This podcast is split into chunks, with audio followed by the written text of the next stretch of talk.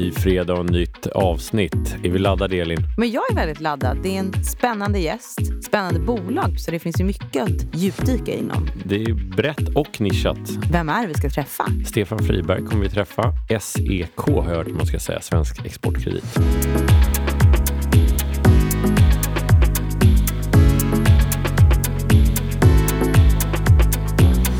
Stefan Friberg har haft ett stort fokus på risk så jag tror att det är oundvikligt för oss att eh, gräva lite djupare inom det. Väldigt, väldigt spännande. Då tror jag att vi kör igång. Vi kör! Och då är det dags för ett nytt avsnitt av podcasten eh, Toppskiktet. Vi har Stefan Friberg med oss här i studion eh, från SEK, Svensk Exportkredit, som arbetat de senaste fyra åren som CFO, men innan det haft roller inom risk både på Svensk Exportkredit men även på SEB. När vi har pratat med personer som har arbetat med dig så beskriver de dig som dedikerad, analytisk och jävligt trevlig. Ja, Och med det så får vi välkomna dig Stefan till podden. tackar. När du hör analytiskt, dedikerad och jävligt trevlig, vad tänker du då? Nej, men de första två känner jag igen. Men trevlig, det var nytt. Ja, det är ju liksom en subjektiv bedömning. Men det finns väl någon form av objektivitet i eh, analytisk och dedikerad. Det tror jag. Jag gillar att jobba. Och jag är nog hyfsat analytisk. Tycker du att det här är någonting som, som reflekterar dig både privat och professionellt? Eller finns det någon skillnad däremellan? Liksom? Nej, men det är nog min personlighet tror jag. Mm. Sen kan man ju lägga fokus på olika saker. I vissa sammanhang är det ju viktigare att analysera och i andra sammanhang kanske jag borde analysera mindre. Det har jag fått lära mig. Mhm. Analys handlar ju också om att man tycker om struktur. Hemma är vi inte riktigt överens om hur mycket jag behöver analysera den där familjestrukturen. Vi har haft många CFOer som har beskrivit sig som väldigt lugna. Skulle du säga att du är väldigt lugn? Är det någonting man behöver vara? Eller? Ja, jag tror man kan beskriva det på två sätt. Då. Lugn, att man har ett lugnt tempo i kroppen och sådär. Det är inte jag. Men lugn i bemärkelsen, jag blir inte eh, känslomässigt stressad eller jag blir inte stressad i hjärnan. Så är jag nog lugn. Hur jobbar man med det för att vara lugn? Nej, men mitt verktyg för att hålla lugn det är att säkerställa att jag varit förberedd och att jag har analyserat i förhand så att eh, det finns någon form av grundförståelse för det vi gör, en trygghet i det. Och har man en struktur och en plan och analyserat och så gör man sitt bästa, då behöver man inte bli så stressad. Sen kan man ju misslyckas, men man, man ska inte misslyckas på grund av att man slarvade. Och jag är inte rädd för att misslyckas, men jag, jag skulle inte trivas om jag misslyckades för att jag hade slarvat. Finns det några situationer där du inte är lugn? Men det är kanske i sammanhang när jag ska liksom synas eller prata om mig själv och det blir för personligt. Typ som i en podcast. Ja, typ som en podcast. Då, då. Du har jobbat väldigt länge på SCB innan du började på Svenska Exportkredit. Och jag tänker så här, jag har alltid fått höra av mina föräldrar att det är viktigt att man är lojal mot sin arbetsgivare och man stannar och att här, när man visar upp sitt CV ska det stå att man varit där länge. Men nu ser man ju mycket mer och mer att folk vill byta mycket oftare. Hur ser du på det här? Tror du att det är viktigt att vara lojal? Är du fortfarande liksom lojal och värdesätter det? Jag är superlojal, men jag förknippar inte lojalitet med att stanna länge på en arbetsplats. Jag tycker det är två olika saker. Men på SE-banken var jag 17 år och det är ju för att jag har ju bara erfarenhet av bank då, så nu uttalar jag mig om bank som att det skiljer sig mot annan verksamhet och det vet jag egentligen inte. Men det är ju inte ett företag, det är en paraply av massa olika företag. Det är fondförvaltning och bolån och företagslån och projektfinansiering. Och, och därför tror jag att också att det är lätt att stanna i en bank länge. För att man kan liksom byta karriär inom samma arbetsgivare. Jag höll på med trading och treasuryverksamhet i 12 år egentligen innan jag började på risk. Och det var när Lehman gick i konkurs. Då ville man så att säga göra om riskfunktionen lite. Och då tror jag att jag fick det jobbet för att jag i någon mening förstår risk rätt bra. Finns det någon historia där som göm- gömmer sig i Lehman-kraschen? Nej, nej men, men lite roligt var det för att jag fick ju en förfrågan om jag då ville bli chef över det som hette eh, riskkontrollfunktionen som kontrollerar finansiella risker och jag tackade nej. Och då förstod jag att det var ingen fråga fick jag sen berättat för mig utan koncernchefen gick och berättade då att Stefan missuppfattade. Liksom. Det var ingen fråga. Jag meddelade honom att han hade ett nytt jobb. Fick jag gå med mössan i hand dagen efter och säga förlåt att jag hade missförstått frågan. Det är i jätteroligt. Det var ändå någonting du ville ha. Ja, gud ja. Ja. Jo, men var, jag gillar ju saker som är roliga och utmanande och analytiska. Och det, jag hade ju suttit på andra sidan, eller hur man uttrycker det. De som hanterar risken, inte de som kontrollerar riskerna. Men det var ju en fantastiskt rolig tid. Jag är jätteglad att jag fick det jobbet. Man började om på något sätt. Riskerna i banksystemet hade sedan 1992 ansetts vara liksom kontrollerade fram till Lehman. När man stresstestar ett system så hittar man ju det man inte förstod innan. Så hela världens banksystem i någon mening omskapades ju lite under den där perioden med alla nya regelverk och risker och sådär. Och då att få vara med där, det var superkul. Och vi fick ju utveckla nya riskmätningsmodeller och metoder. Och det var ju som forskning igen. Man är lite inne på det nu, att man pratar om det i och med det som hände i veckan med kraschen i USA. Att man börjar kolla lite på just banksystemen. Så tror du att vi är där igen, att vi behöver börja om på nytt? Eller? Nej, det tror jag inte. Det här är min personliga åsikt. Då. Jag tror att det som hände i USA är en följd av eh, vissa politiska beslut. Jag tycker att sen finanskrisen så tycker jag regelverksmakarna och politikerna de har ganska bra fångat in bankrisker. Och sen så var det ju en före detta presidenten i USA som tyckte att de här regleringarna var för skarpa. Han tog egentligen bort dem för alla banker med en balansräkning under 2 500 miljarder varav det där var en. För ett institut över 250 miljarder dollar i balansräkning, då hade den där risken inte funnits. Mm. Intressant. Du har också jobbat väldigt, väldigt länge privat bank man Mm. säga, och nu har liksom gått över till den statliga sidan. Hur kom du till det beslutet? Det var egentligen två skäl. Den ena var att jag skilde mig, om jag ska vara helt ärlig och kände att jag behövde liksom starta om livet lite grann. Och det var egentligen det som triggade. Jag älskade att vara på SE-banken. Jag tyckte det var en fantastisk arbetsgivare. Jag hade superkul. Men i samband med att jag skilde mig så kände jag att då behövde jag börja om på något sätt. Och då funderade jag på vad jag ville göra. Jag ville bygga på någon gammal kunskap. Jag ville inte börja om som bagare. Det var ett för långt steg. Så att något sätt bygga på det jag hade någon kompetens inom, men i ett annat sammanhang. Jag sökte mig aktivt till ett mindre företag för jag ville komma närmare affären igen. Lite med ett stort bolag, så man berättar det andra gör. Mi- Mitt jobb var liksom berätta det vad andra gjorde. Men Jag gjorde inte så mycket själv, så upplevde jag det. Nu är jag mer um, fingrarna i syltburken. Liksom. Och det var lite det jag sökte, att jag ville få vara med och göra på riktigt. Känna pulsen lite igen. Ja, och vara med i affären och vara med och möta kund och vara med och liksom räkna. Och... Är du det som CFO också? Ja, nu är SEK ett speciellt institut. Vi gör ju en del väldigt stora affärer relativt eh, vår balansräkning.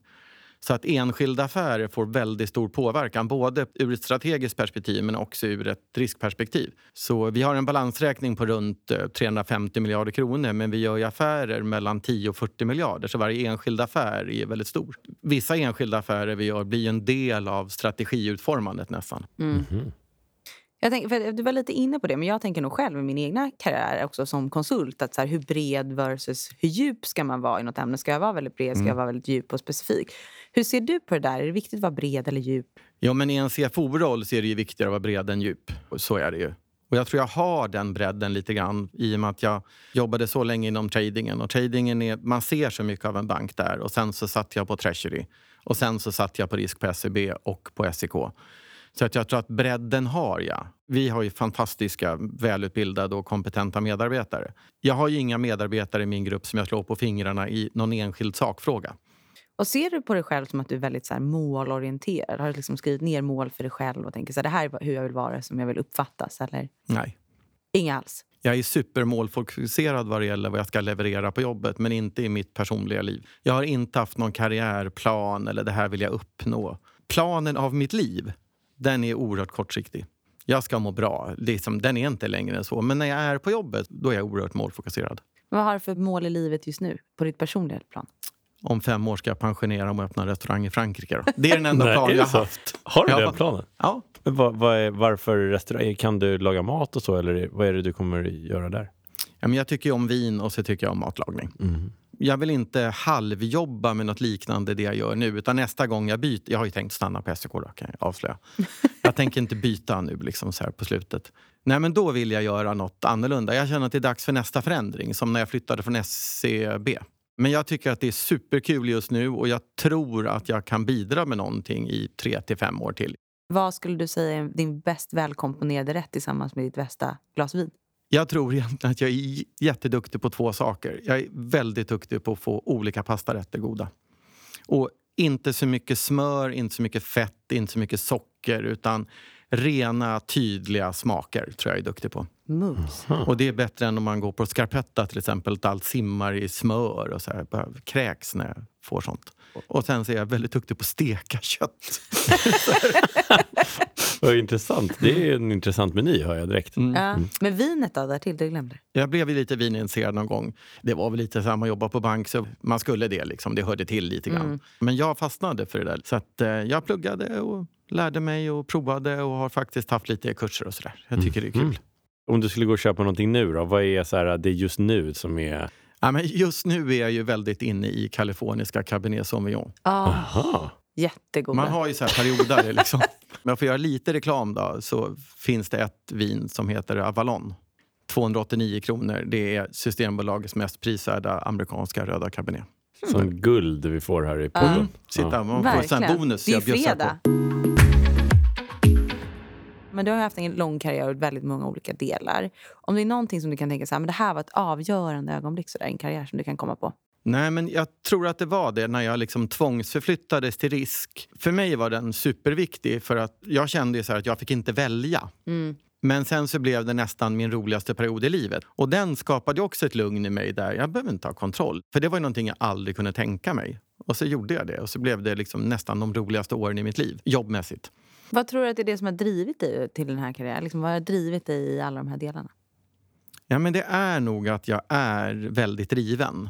Jag har ett strategiskt tänk, tror jag att jag har. Redan när jag var lite yngre i karriären var jag med och påverkade strategin. För att jag hade det naturligt i mig. De sa jo, men på ett år ska du leverera det här. Och jag ville veta varför ska jag leverera det på ett år och hur, vilket sammanhang är det ihop och kan man påverka? Kan man tänka annorlunda? Kan vi gå i en annan riktning? Jag tror den typen av frågor har alltid intresserat mig. Och det handlar ju inte om att jag liksom ville bli ansvarig för den strategiska utvecklingen. Det handlar ju mer om att jag tycker att det är intressant. Det var likadant när jag var på tradingen. Att jag fick ju många erbjudanden om att börja med aktiehandel. Jag höll ju på med valuta och räntehandel och derivathandel och sådär. Eh, Och då kunde jag gå till aktiesidan för då fick man ju 50% högre lön för ett lättare jobb. Men det var så ointressant tyckte jag, för det fanns ingen strategi. Det är att läsa ett enskilt bolag, bolagsredovisning och så har de en bra chef eller dålig chef och ebita och jag bara, åh vad tråkigt. Men höll jag på med valutor och räntor så handlade det om liksom makrosammanhang och strategiskt och långsiktigt. Så det har alltid intresserat mig.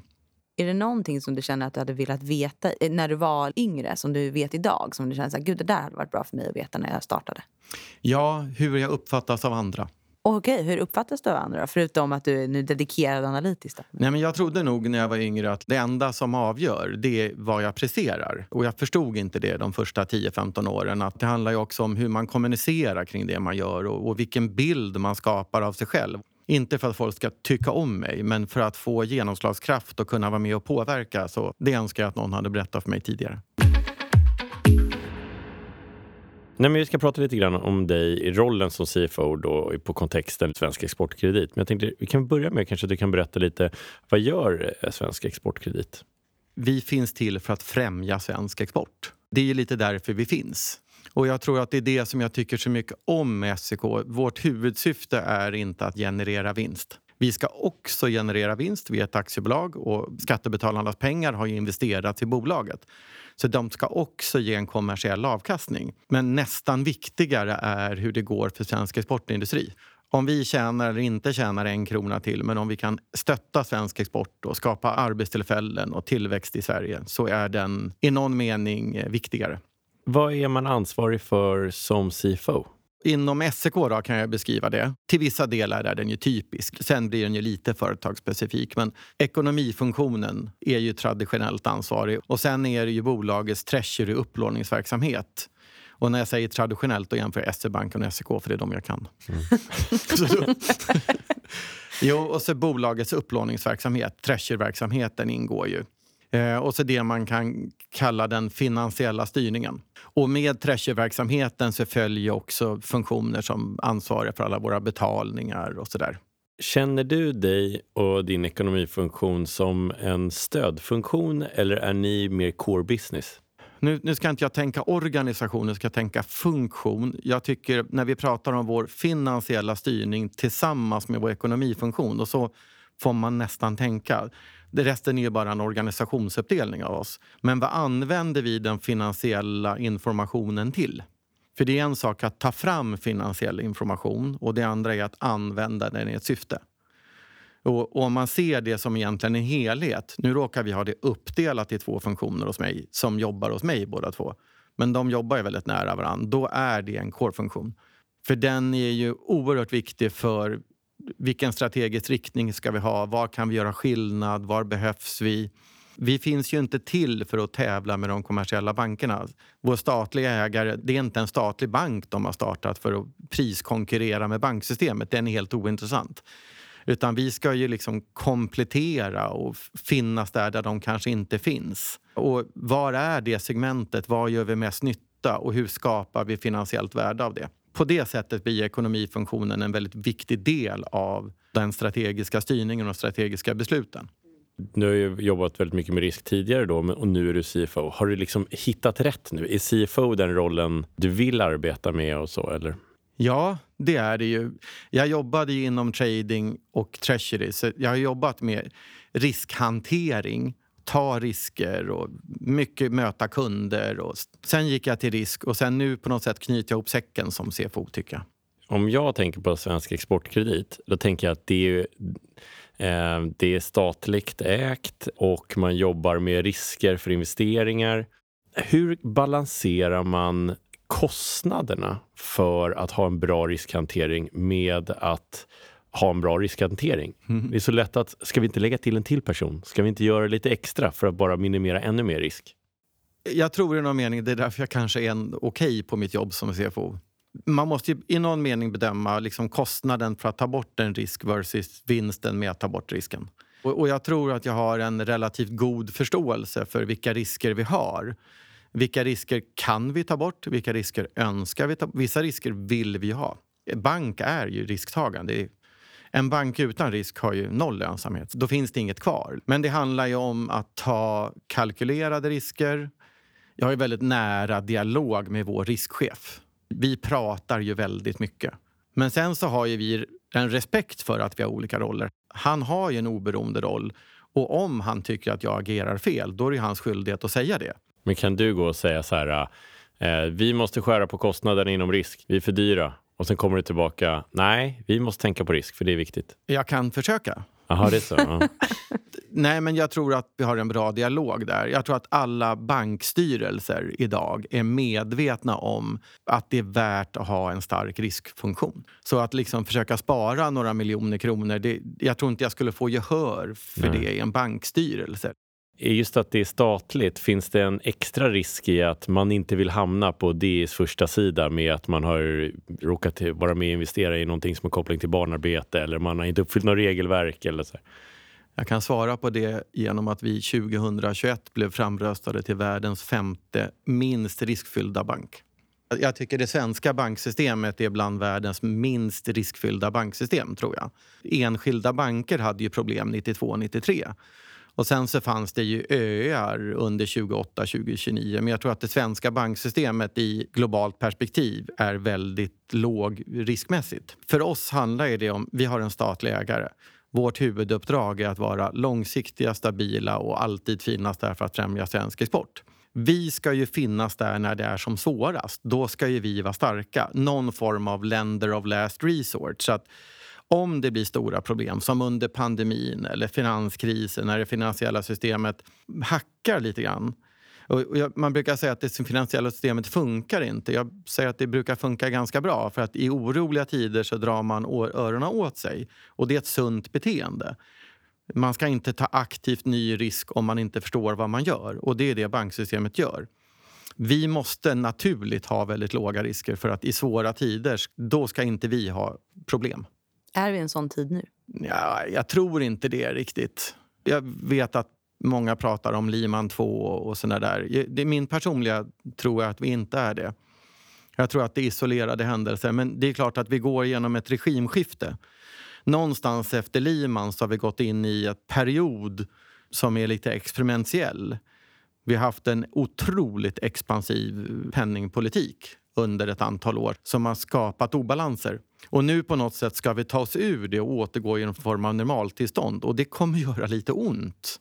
Men eh, om, om man går tillbaks till 2008-2009 då var man ju osäker på om bankerna skulle överleva. Har man mycket problem, krediter och så på balansräkningen? Jag tror det är över. Mm. Jag tror inte vi kommer se någon stor smittoeffekt i Europa.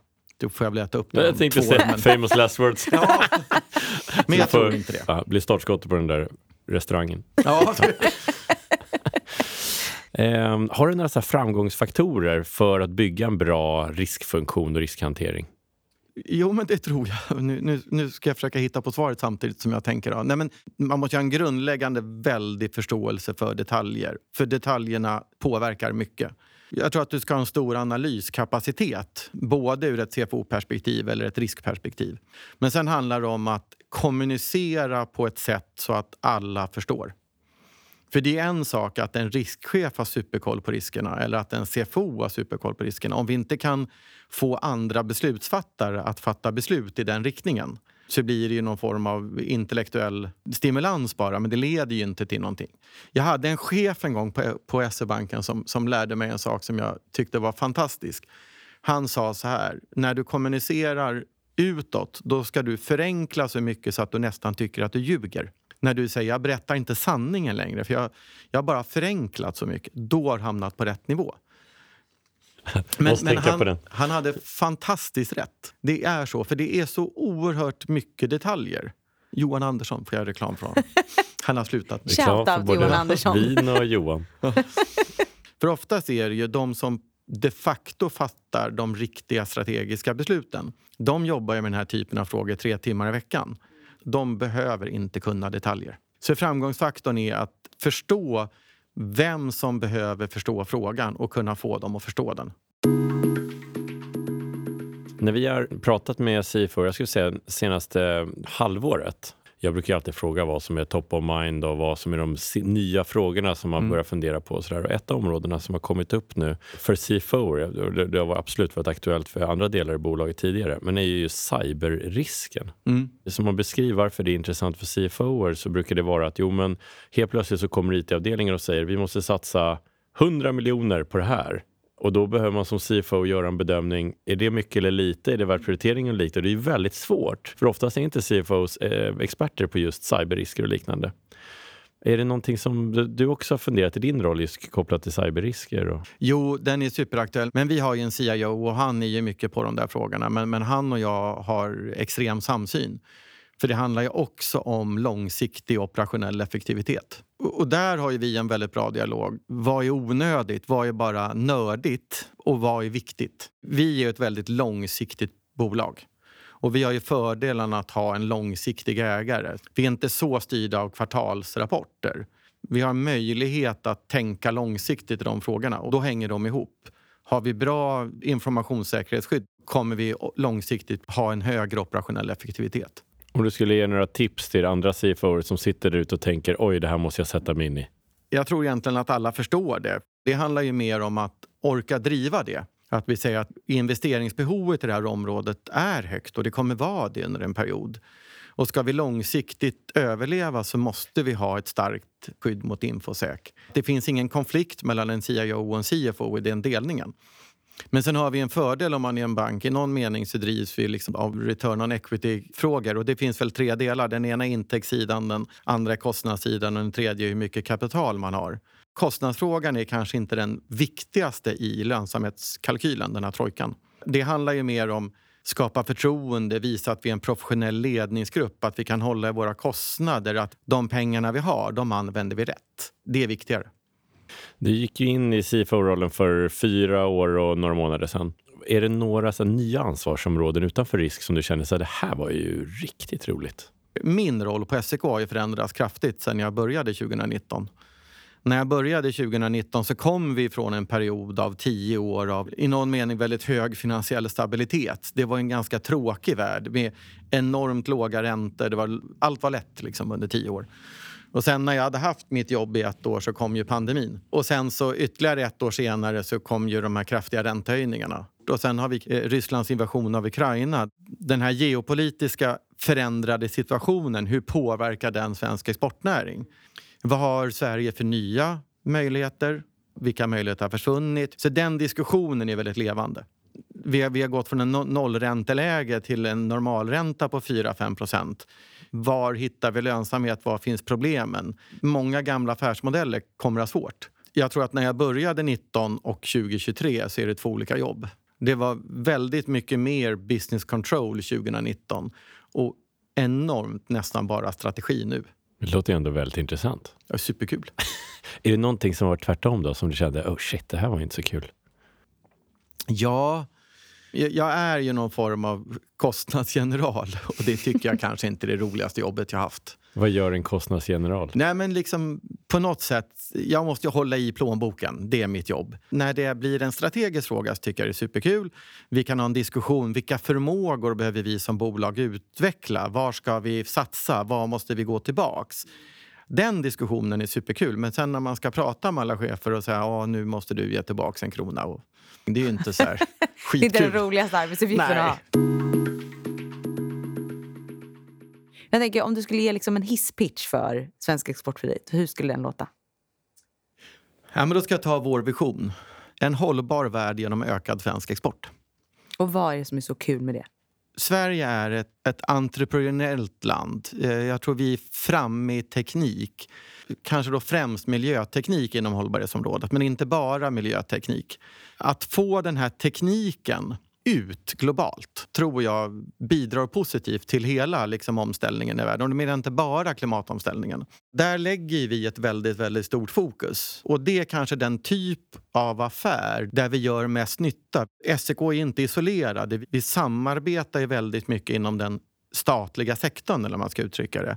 Vi jobbar mycket med ambassaderna, med Business Sweden, med Exportkreditnämnden liksom Clintons gamla war room där han sa så här, om vi ska se till att det amerikanska innehållet i stora internationella projekt är stort. Och det har vi också inom Sverige. Där vi arbetar via de här stora konsultbyråerna, eller EPCer som de kallas och säkerställer att när man bygger stora projekt i världen, jo men om det tar svenskt innehåll, då kan vi stötta med finansiering och vi kan hjälpa med teknik. Och på så sätt kan vi också faktiskt få de här projekten i många meningar att ändras. Det kan vara enkla frågor som att bygga ny infrastruktur i något afrikanskt land, ett tågräls eller vad som helst. Tidigare så bara drog man det rakt genom en by så sket man i det. Då säger vi att nej men då är inte Sverige med. Mm vi ställer krav för att vi ska vara med. Så att på det sättet kan vi påverka. Men sen är det ju svensk teknik, väldigt mycket waste to energy, energiprojekt och så. Där genom att vi har någon form av nationellt samarbete kring de här frågorna gör att vi, eh, givet landets litenhet, kan få rätt stor påverkan. Mm. Det skulle jag säga, det är SEK för mig man tittar närmare på vad ni gör så måste ni också ha så otroligt bra koll på många olika saker. Ni måste mm. ha mycket omvärldsmarknad, ni måste ha koll på ett specifikt land, ni måste ha koll på en specifik bransch, på ett specifikt bolag. Är det en person som sitter på all kompetens eller har man ett jättestort team kring sig där alla kan sin del? Eller hur bygger ni den kompetensen inom Svensk Exportkredit? Dels säkerställer vi att vi har en kompetens inom bolaget. Mm. Men sen säkerställer vi genom det här samarbetet det kan ju finnas lokala frågor som vi har svårt att utreda. Då samarbetar vi med internationella banker mm. där vi ställer krav på dem. För att vi ska samarbeta mer, då måste ni visa att ni har den här kontrollen. Ni har de processerna, de rutinerna. Då kan vi samarbeta mer. För vi är bara knappt 300 anställda. Vi, vi kan inte ha koll på varenda sak. Så väldigt mycket samarbete med bankerna vad man behöver kunna, det förstår vi. Och så säkerställer vi att de gör det. Mm. Vi samarbetar väldigt mycket med de svenska bankerna. Mycket, mycket mer än att vi konkurrerar med dem. Vi var inne på det lite tidigare också. men tänker Det är ju ett lite annorlunda klimat nu som vi var inne mm. på. Det finns många olika delar som har hänt på senaste tiden. Märker ni av det? Är det mer personer eller bolag ska man säga, kommer till er och vill låna ännu mer? Eller ser ni att det dras tillbaka, att ni inte har lika stor efterfrågan längre? Hur ser det där förhållandet ut? Nu ska man inte bedöma det på en vecka, men om vi säger efter 2019 så ser vi generellt sett en större efterfrågan. Dels i omställningen. Och det har kanske Rysslands invasion av Ukraina skyndat på ännu mer. Förut gjorde vi det ur ett hållbarhetsperspektiv. Mm. Nu skyndas det på, för nu kommer energifrågan. Så nu behöver energiomställningen ske snabbare. Så att vi ser ju en tydlig eh, efterfrågeökning de sista tre, fyra åren. Efterfrågan för att liksom täcka upp för dåliga resultat eller att komma och be om pengar för nya spännande idéer. Ser ni någon skillnad i den balansen? Vi har ju en väldigt rigorös kreditprocess hos oss. Så att om någon vill låna pengar för att säger så här, det går så jäkla dåligt för oss, vi behöver fylla på kassan för vi bara, det bara rinner ut pengar. Då kanske vi är fel institut att gå till. Det är inte riktigt vårt syfte. Vi har ju oerhört låga kreditförluster historiskt. Vi pratade lite om det, om att främja svensk exportnäring, att det är ert uppdrag. Men om man skulle bryta ner det lite mer delar, vad är de delarna? Den viktigaste delen är egentligen att säkerställa att svenska företag ska veta om att vi finns. Traditionellt har vi jobbat med väldigt stora företag där vi inarbetade samarbeten med dem. Men på något sätt att säkerställa att mindre svenska företag vet om att det här stödet finns som bland annat vi utgör. Det, det kan finnas en rädsla för att gå internationellt. Men att de förstår att vi kan få liksom stöd, både vår kompetens, lokala kontakter, hur eh, juridiken fungerar, hur man får lån. Det är väldigt viktigt för oss. Sen är det ju det här det samarbetet kring de här stora internationella projekten. Men sen är det ju att säkerställa att de svenska exportföretagen, när det liksom blåser kallt och kanske det mer kommersiella banksystemet inte tillhandahåller någon form av rörelsefinansiering, då ska vi kunna finnas där. Men ni har också vissa hållbarhetsmål så som ni också sen sätter på de bolagen som ni sen lånar ut till. Ja. Hur följer ni upp de målen, att de liksom blir bättre och mer hållbara? Hur följer man upp det på, på den nivån som ni är på? Vi följer upp det dels om man säger oss som bolag. Då. Vad ska vi på totalen bidra med? De följer vi upp på någon form av portföljnivå. Om vi säger att vi gör två olika typer av affärer. Då. Den ena är att vi lånar ut pengar till svenska exportföretag. Den andra är någon form av projektbaserad utlåning. Men där har ju varje projekt i sig krav på sig att möta vissa hållbarhetsmål. Mm. Och där följer vi upp på projektnivå ju, att man levererar på dem. Och gör man inte det, då... Det slutgiltiga är att vi liksom ställer in lånet. Men det är ju inte vårt mål att göra det. Vårt mål är ju att få till en förändring. Mm. Så att i första hand då säger vi att ja, men ni når inte era hållbarhetsmål. Okej, nu hjälps vi åt. För då har vi påverkat. Att vi bara säger upp ett lån, ja då kan vi stå och säga gud vad duktiga vi var. Vi lånade inte ut, men vi fick ju inte till någon förändring. Det kan ha en så här standardmall, så här går vi in och mäter. Eller hur, hur lätt är det att verkligen följa upp just hållbarhetsfrågan? Jag kan säga att, att det är supersvårt. Mm. Det här är ett område som eh, är, vi är i början på det här. Nu pratar jag inte bara om Svensk Exportkredit, nu pratar jag om hela finansiella systemet. Vi vet ju att för den här omställningen, för att den ska ske, så behöver den på något sätt finansieras. Att man behöver på någonting styra kapital mot den här typen av förändringsprojekt. Hur mäter vi att vi får någon påverkan? Ja, det är klart att det vi vill mäta, det är ju impact. Exakt vad blev konsekvensen av det här? Tekniken kanske inte är fullt utvecklad vi vet inte. Vissa saker kan vi mäta, koldioxidutsläpp och annat. Och, och, vi kan ju mäta någon form av hur påverkar vi fattigdom och hur påverkar vi vattenkvalitet. De, de är hardcore och går att mäta. Liksom.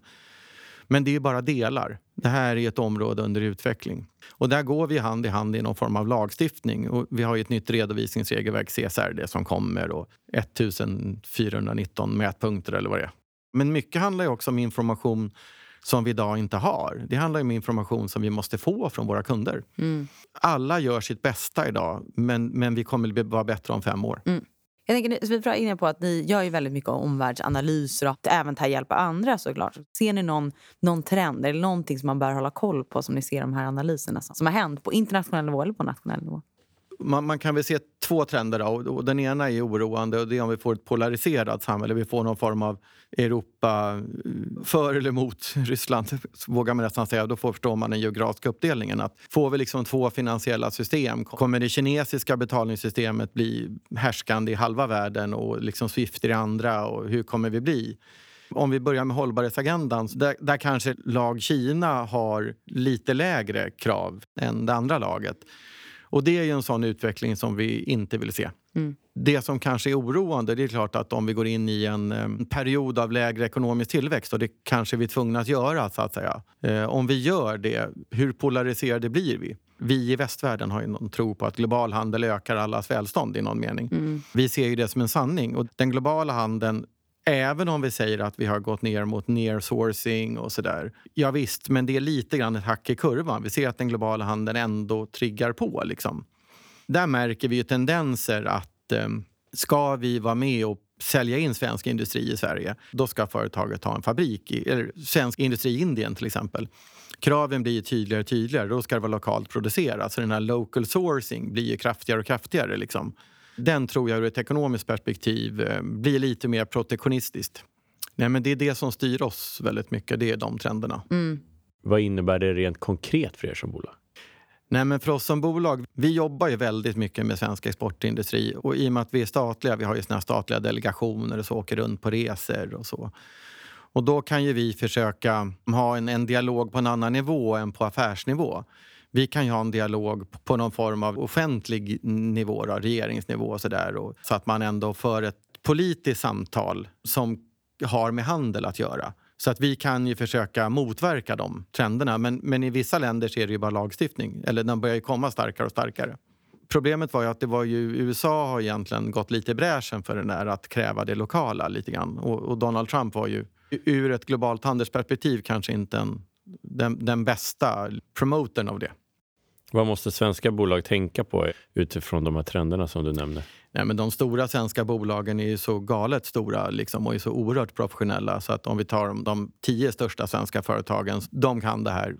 Det, det är deras levebröd att kunna det där och de är ofta uppe i kongressen och senaten och pratar och diskuterar. Och, så det gör ju svenska företagsledare traditionellt. Men fördelen är att Sverige fostrar ju rätt mycket bra ledare. Ovanligt många svenska ledare sitter ju i ledande positioner för internationella bolag också. Så det är också ett sätt som påverkar.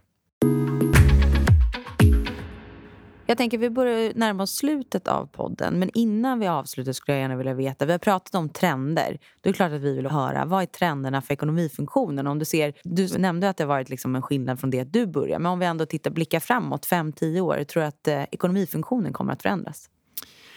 Ja, det tror jag. Och det är egentligen två frågor den ena handlar om. Den ena handlar ju om digitaliseringstrenden. Det vill säga ur ett operationellt effektivitetsperspektiv så tror jag att eh, framtidens ekonomifunktion har inte så mycket folk.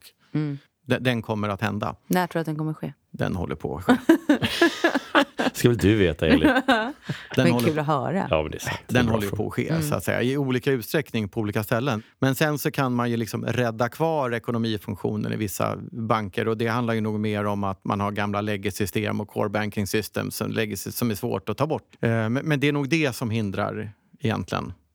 Och den här robottekniken, den kan man glömma. Det är ingen lösning. Att ha små robotar som klipper och klistrar och kör Marias in mellan system, det, det tror jag inte på.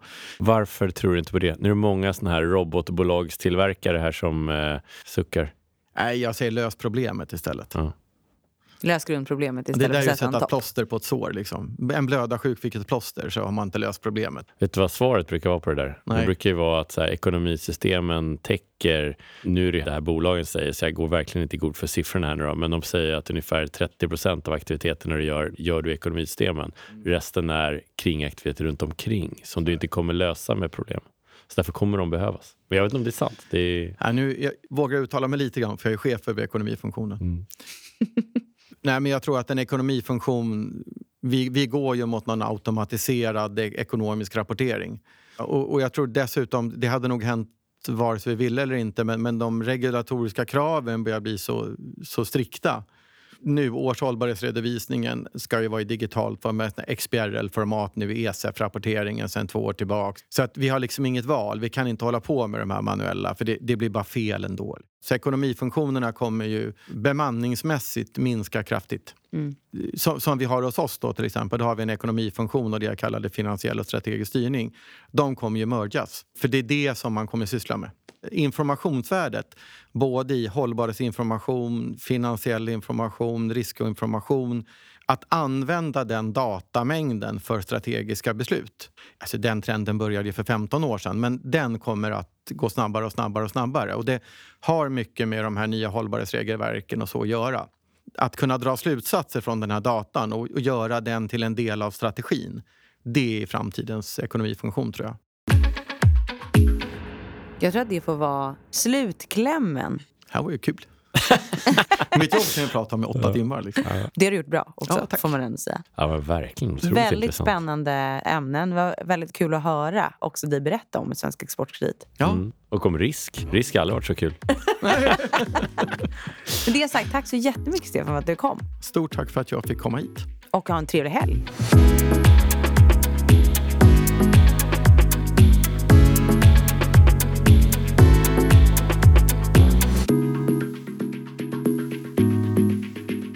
Hej. Jag tänkte så här, ska jag säga gå hem och drick vinet nu? Eller kanske man själv ska göra?